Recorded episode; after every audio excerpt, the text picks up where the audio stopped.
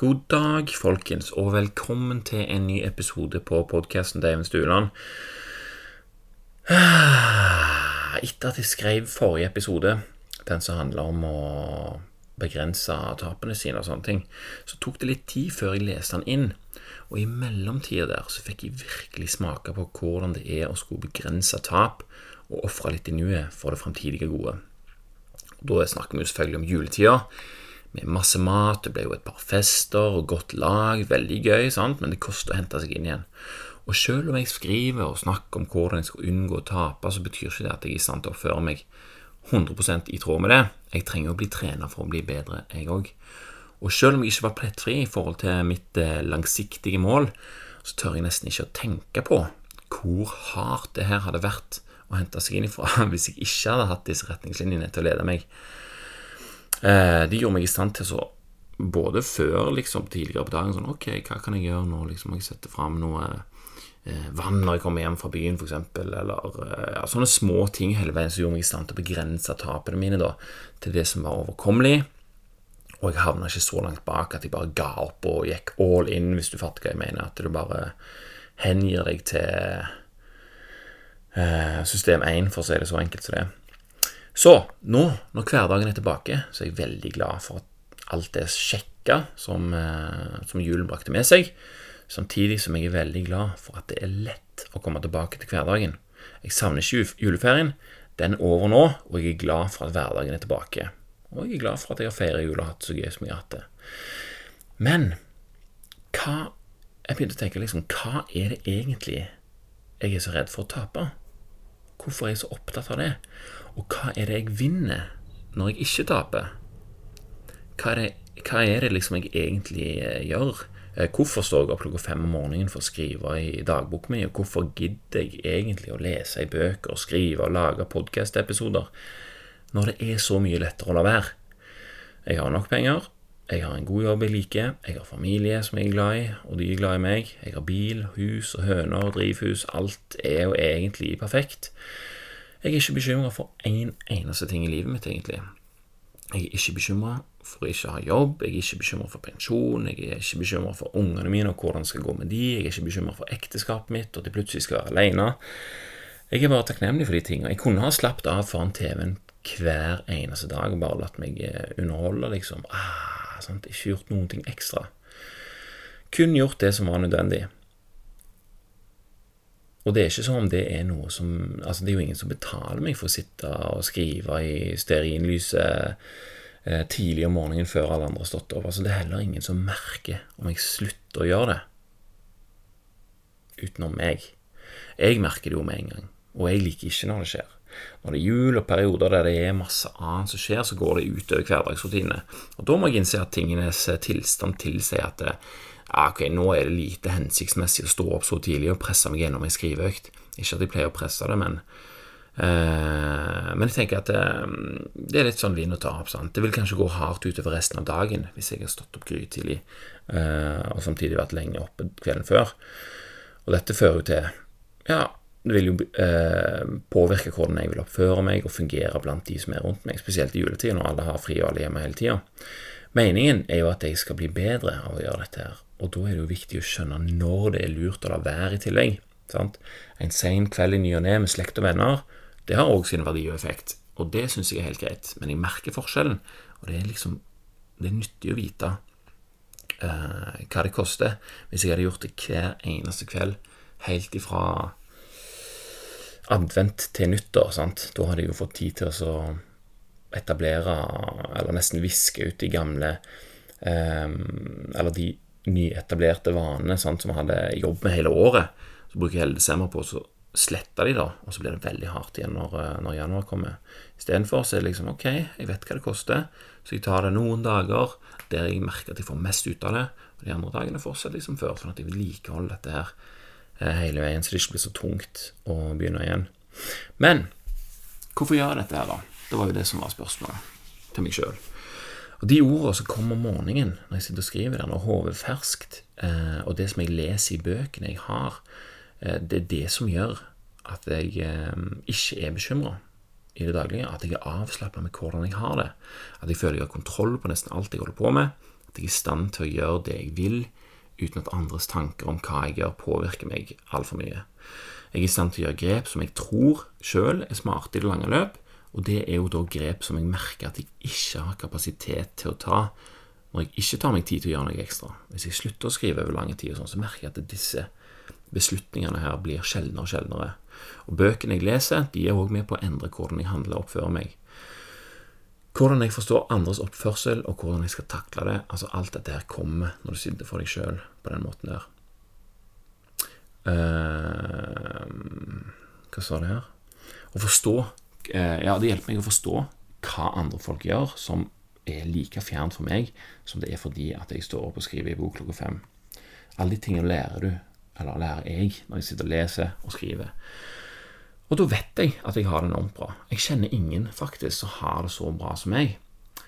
Ja, det kan jeg egentlig ikke si, for jeg vet jo ikke hvor godt andre har det. Men det jeg kan si, er at jeg ikke misunner noen, og at jeg har ingen jeg vil bytte med. Og Noen ganger så får jeg høre at folk skulle ønske at de kunne hatt det sånn som meg, spesielt de kjekke tingene som jeg eh, gjør da. Og det er nettopp det som er tingen. Jeg tror at jeg har det som de vil ha det, fordi jeg gjør ting som de ikke gjør. Er du med på den? Hvis du alltid gjør det du alltid har gjort, så vil du jo fortsette å få det du alltid har fått. Du må gjøre nye ting hvis du har noe som du ønsker å oppnå eller oppleve på en annen måte. Så her en dagen så leser jeg ei eh, klassisk Tony Robins-bok. Den er helt enorm, den boka der, altså. Den er jo så klisjéaktig så det går an å få det. Men eh, hvis du bare velger å se bort ifra det, og liksom prøve å litt grann viske vekk hele det amerikanske opplegget der, så er det helt utrolig hva den boka der kan få deg til å tenke på. Og en av de tingene som sto i den boka, eller det ble, det ble liksom bedt om å tenke på hvordan jeg ser på livet som en metafor. Og da, da begynte jeg å spørre meg selv hva er det jeg egentlig holder på med. Og eksempler i boka var jo eh, om det var som en dans, eller som en kamp, eller et spill, eller liksom ja, sånne enkle, enkle metaforer. Men jeg syns det var veldig vanskelig. Eh, det er ikke vanskelig for meg å si at jeg syns livet er helt fantastisk. Såpass vet jeg jo. Men hvordan vil jeg beskrive det med bare ett eller noen få ord? Sant? så jeg følte jeg trenger litt mer rom for å finne noe som passer. Så jeg tenkte på dette her.